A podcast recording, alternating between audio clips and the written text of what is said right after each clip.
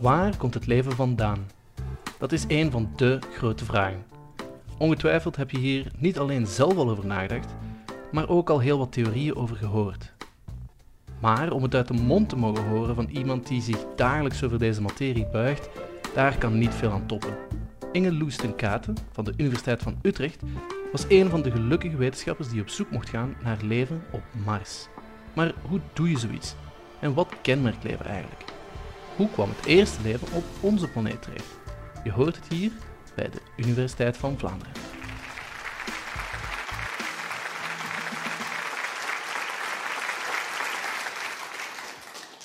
Nou, om maar meteen met een vraag te beginnen. Wie denkt er dat het leven op aarde is ontstaan? Nou, dat zijn er aanmerkelijk minder dan ik had gedacht. Wie denkt er dat het leven ergens anders is ontstaan en met een meteoriet naar de aarde is gebracht? Nou ben ik heel benieuwd wat de rest denkt. Maar goed, um, waar we het dus vanavond over gaan hebben is... hoe is het leven ontstaan? En nou, ik heb nu al twee vragen gesteld. En de derde vraag is, wat doet die steen hier nou eigenlijk? Nou, stenen zijn heel belangrijk voor het ontstaan van leven... en ook voor de bestudering van het leven in het algemeen. Maar deze steen, daar kom ik later nog wel even op terug. Waar ik erg geïnteresseerd in ben, is dus hoe het leven is ontstaan. En omdat de aarde de enige plek is waar we leven kennen, ga ik er dus gemakshalve maar vanuit dat het leven hier daadwerkelijk op aarde is ontstaan en niet met een meteoriet naar de aarde is gevlogen. Er zitten namelijk ook wat haken en ogen aan het meteorietenverhaal. Want allereerst, wat je daarmee doet, is je verplaatst het probleem. Dan moet het leven namelijk ergens anders zijn ontstaan. En over dat ergens anders weten we nog minder dan dat we weten over de vroege aarde. Dat is natuurlijk heel leuk voor science fiction, maar ik doe geen science fiction. En in de tweede plaats hebben we nog nooit bewijs van leven in meteorieten gevonden. En zolang we dat niet hebben gevonden, is het ook niet heel overtuigend om te denken dat meteorieten dat leven dan gebracht kunnen hebben. Dus dat brengt ons dan terug naar de aarde. Nou, als we dan kijken naar de geschiedenis van de aarde, dan, en, en het, de geschiedenis van het ontstaan van leven, wat moet je dan weten uh, over hoe het leven is ontstaan? Nou, eigenlijk moet je dan denken aan een soort van pannenkoekenbakken. Het ontstaan van leven lijkt heel makkelijk, net als pannenkoekenbakken, maar eigenlijk is het niet zo makkelijk. Je kunt niet een pannenkoek bakken met al je ingrediënten in je woonkamer en je pan in je slaapkamer en je vuur in de keuken. Dan heb je weinig pannenkoek. Nou, zo moet je het een beetje nadenken voor het ontstaan van leven uh, op dezelfde manier. Dus welke ingrediënten heb je nodig? Welke randvoorwaarden? En op welk moment waren die randvoorwaarden en die ingrediënten tegelijkertijd op dezelfde plek? Nou, hier achter mij zie je de geologische tijdschaal. Uh, en die is in de zaal misschien wat moeilijk te zien.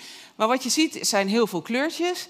En helemaal in het begin, in dat roze, onderin, 4,65 miljard jaar geleden is de aarde ontstaan. En wat wij nou denken is dat het leven ontstaan is ergens tussen toen en 3,5 miljard jaar geleden. Nou, dat geeft dus een, een tijdframe van 1 miljard jaar, dus dat is nog steeds vrij breed. Uh, en als je, zoals je ook kunt zien op de geologische tijdschaal, is dat er heel veel kleurtjes zijn.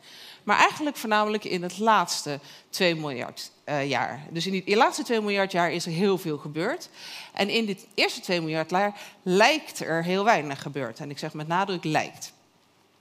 Uh, en nou goed, wat we dus nu weten is ergens in die eerste miljard jaar is het leven ontstaan. Maar de vraag is, hoe zag de aarde er nou uit op het moment dat het leven is ontstaan? Nou, daarvoor zijn deze stenen heel belangrijk. Want stenen zijn eigenlijk een soort van geologische tijdsmachientjes. Door goed een steen te, te bestuderen kun je een soort blik krijgen terug in de tijd. Want als je een steen bestudeert, geeft het je allerlei informatie over de omstandigheden die er heersten op het moment dat die steen uh, gevormd is. Dus op die manier kunnen we iets leren over de condities uh, van de aarde op het moment dat die steen gevormd is. Nou, zoals we net al zagen aan die tijdschaal, zagen we heel veel kleurtjes aan het eind, maar maar heel weinig kleurtjes aan het begin. Maar betekent dat nou dat er eigenlijk niks gebeurd is? Of betekent dat dat we eigenlijk niet zoveel gegevens meer hebben? En dat maakt de aarde meteen een hele interessante planeet, want de aarde is geologisch heel actief.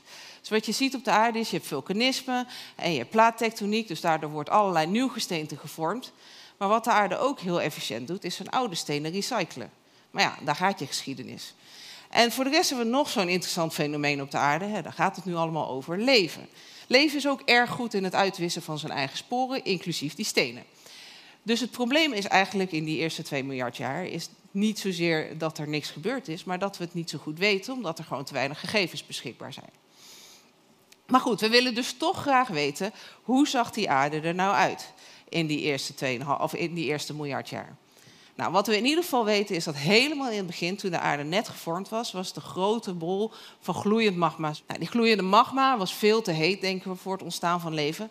Maar in de loop van de tijd koelde die bol af en begonnen zich kleine eilandjes van vast gesteente te vormen. En na een tijd kwam er ook water op het oppervlak van de aarde.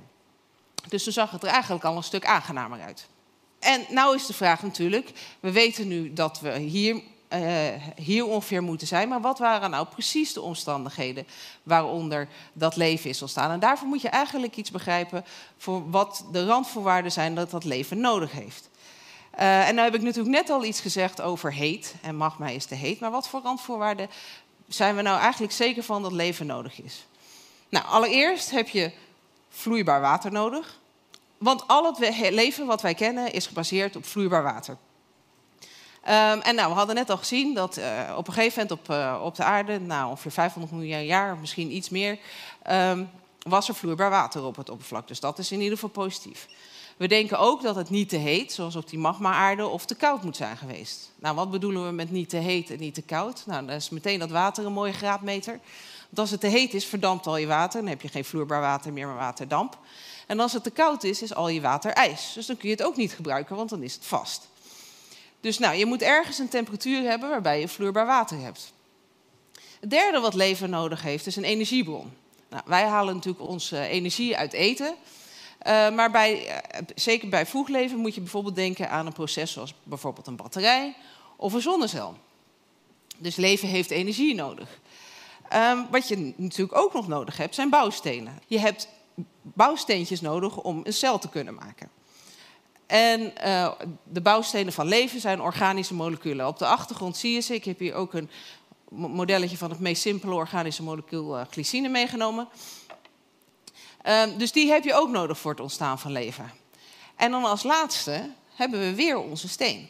Want wat onze steen doet is zorgen dat er een oppervlak is waar die organische moleculen bij elkaar geconcentreerd kunnen worden en verder kunnen reageren naar iets wat misschien op een gegeven moment een protocel wordt. Dus dat zijn de basisvoorwaarden die je nodig hebt om leven te kunnen laten ontstaan. Nou, dan hebben we dus nu gezien ongeveer wanneer het leven is ontstaan, ergens in die eerste miljard jaar. We hebben een idee uh, hoe de aarde eruit ziet en wat de basisvoorwaarden waren. En was er nou toevallig ook nog een speciale plek nodig? En dat is eigenlijk waar we nu over na aan denken zijn. Op welke plek zou het leven op aarde ontstaan kunnen zijn, zoals hier bijvoorbeeld in het paradijs. Nou, daarvoor zijn twee verschillende uh, hypotheses. En nou moet je het eigenlijk een soort, bekijken als een soort van hoogniveau koken.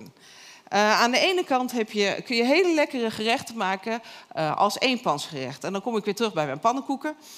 Um, want voor pannenkoeken heb je natuurlijk, wat ik net al uitlegde, verschillende condities nodig. Je hebt een pan nodig en je hebt vuur nodig. Maar je hebt ook de juiste ingrediënten nodig.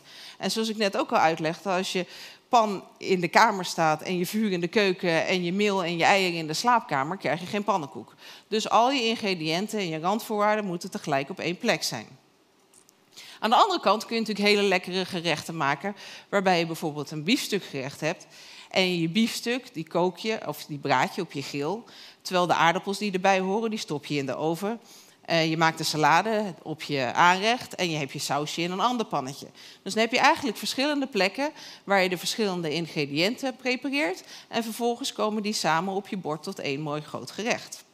Nou, dit is eigenlijk een beetje hoe de twee hypotheses van het ontstaan van leven eruit zien. Aan de ene kant heb je je pannenkoeken.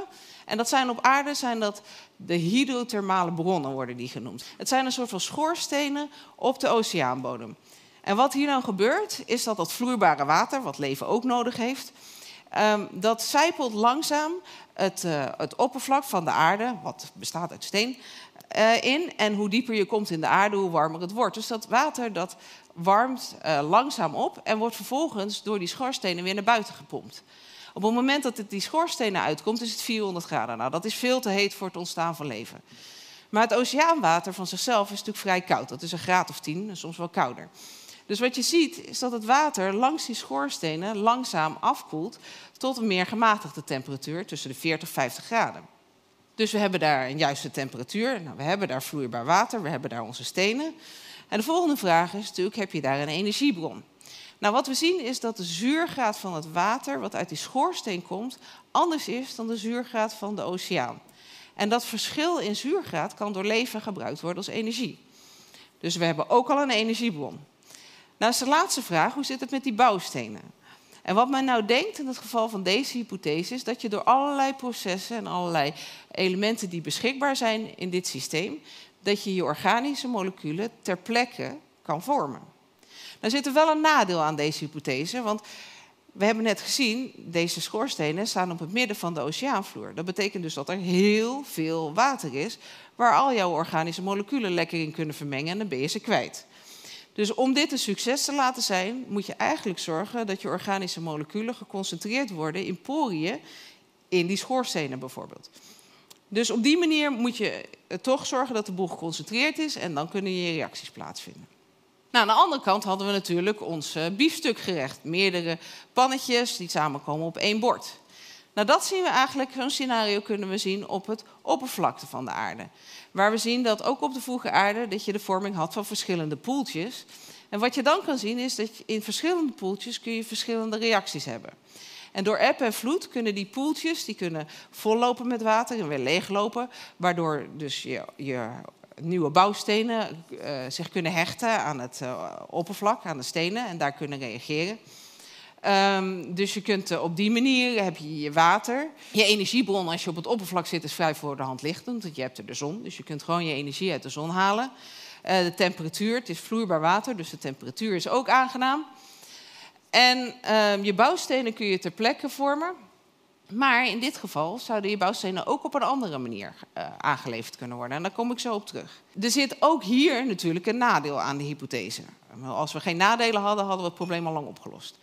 Het nadeel hier bij deze hypothese is dat die zon wel heel leuk alle energie levert, maar die geeft ook heel veel schadelijke ultraviolette straling. En op het moment dat leven gevormd werd op de aarde, was er nog geen ozonlaag die ons beschermde tegen die straling. Dus dat is het probleem in dit geval. Dus we hebben hier nu eigenlijk twee hypotheses. En de oplossing is er nog lang niet. Dus vandaar dat we nog heel veel onderzoek doen. Maar door nou goed te kunnen kijken, te goed te bestuderen wat die twee hypotheses zijn, kunnen we dat wellicht wel bekijken of dat ook op een andere planeet is. Dus is de aarde nou echt zo speciaal? Of zou je toch ook het leven ergens anders kunnen zijn ontstaan? En daarvoor is vooral die laatste hypothese met die poeltjes is een interessante hypothese. Want wat we namelijk zien is dat er in de ruimte op allerlei verschillende plekken deze organische moleculen worden gevormd. En die worden vervolgens gevonden in kometen en in asteroïden en in meteorieten. En wat je hier ziet, en ik laat hem in zijn bakje, want als ik met mijn vingers aanraak, dan zitten mijn eigen vingerafdrukken erin. Maar dit is een meteoriet genaamd Allende en die zit helemaal vol met organische moleculen die in de ruimte zijn gevormd. Nou, dit soort moleculen, of dit soort meteorieten vallen nu nog steeds op het oppervlak van de aarde. Maar zeker in de vroege uh, geschiedenis van de aarde werd de aarde voortdurend gebombardeerd met kometen en meteorieten en van alles wat dat soort materiaal aanleverde. Dus je organische moleculen kunnen in principe gewoon gratis op je uh, deurmat bezorgd worden, min of meer klaar voor gebruik.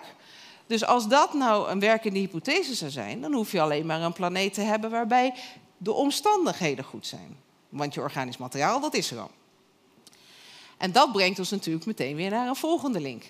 Want we weten, nou op aarde weten we nog steeds niet welke, welke van de twee de leidende hypothese is. Maar goed, zou het dus ergens anders kunnen? Nou, en als we dan ergens anders kijken, is eigenlijk de meest voor de hand liggende plek om te kijken is Mars. Mars is dan meteen ook de meest bestudeerde planeet in het hele universum, afgezien van de aarde. En de reden dat we naar Mars kijken is dat Mars, zeker in het begin, uh, erg veel op de aarde leek. Dus de vroege aarde en vroege Mars leken erg veel op elkaar. Dus kunnen we wat leren van, van Mars over de vroege aarde? En kunnen we bijvoorbeeld toch iets zeggen over of er leven op Mars mogelijk is geweest en leven op de aarde?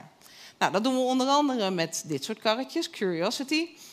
En um, één zeer interessant uh, uh, bevinding die Curiosity inmiddels heeft gedaan, is dat de krater waar Curiosity zijn onderzoek heeft gedaan, dat daar in ieder geval de omstandigheden goed waren voor leven. Dus als leven, leven had er kunnen leven in de tijd dat, die, dat er water stond in die krater. Want nu staat er geen water meer, maar in die tijd um, had leven daar kunnen leven. Dit zegt nog niks over het ontstaan van leven, maar wel dat leven er mogelijk was. Dus dat brengt het allemaal weer een beetje dichterbij. Nou heb ik jullie een hele rondrit gegeven door de geschiedenis aan de hand van die stenen. De geschiedenis, we zijn van de hele jonge aarde, de bol van magma, naar iets oudere jonge aarde gegaan. Daar hebben we twee verschillende plekken bekeken. Vervolgens zijn we zelfs naar Mars gegaan en we hebben ruimtestenen gezien in de vorm van meteorieten. En de vraag van het ontstaan van leven hebben we nog niet opgelost. Maar goed, wat we zien en in een rode draad bij al die plekken waar we nu zijn geweest, is alles wat ze, met, wat ze in ieder geval met elkaar gemeen hebben, is deze steen. En wat we wel weten is dat dit soort stenen, en nou misschien niet precies deze steen, maar dat stenen van essentieel belang zijn geweest voor het ontstaan van leven. Dit is de Universiteit van Vlaanderen podcast, waarbij we gingen kijken naar het even boeiende werk van onze noorderburen bij de Universiteit van Nederland. Wil je meer antwoorden op spannende vragen?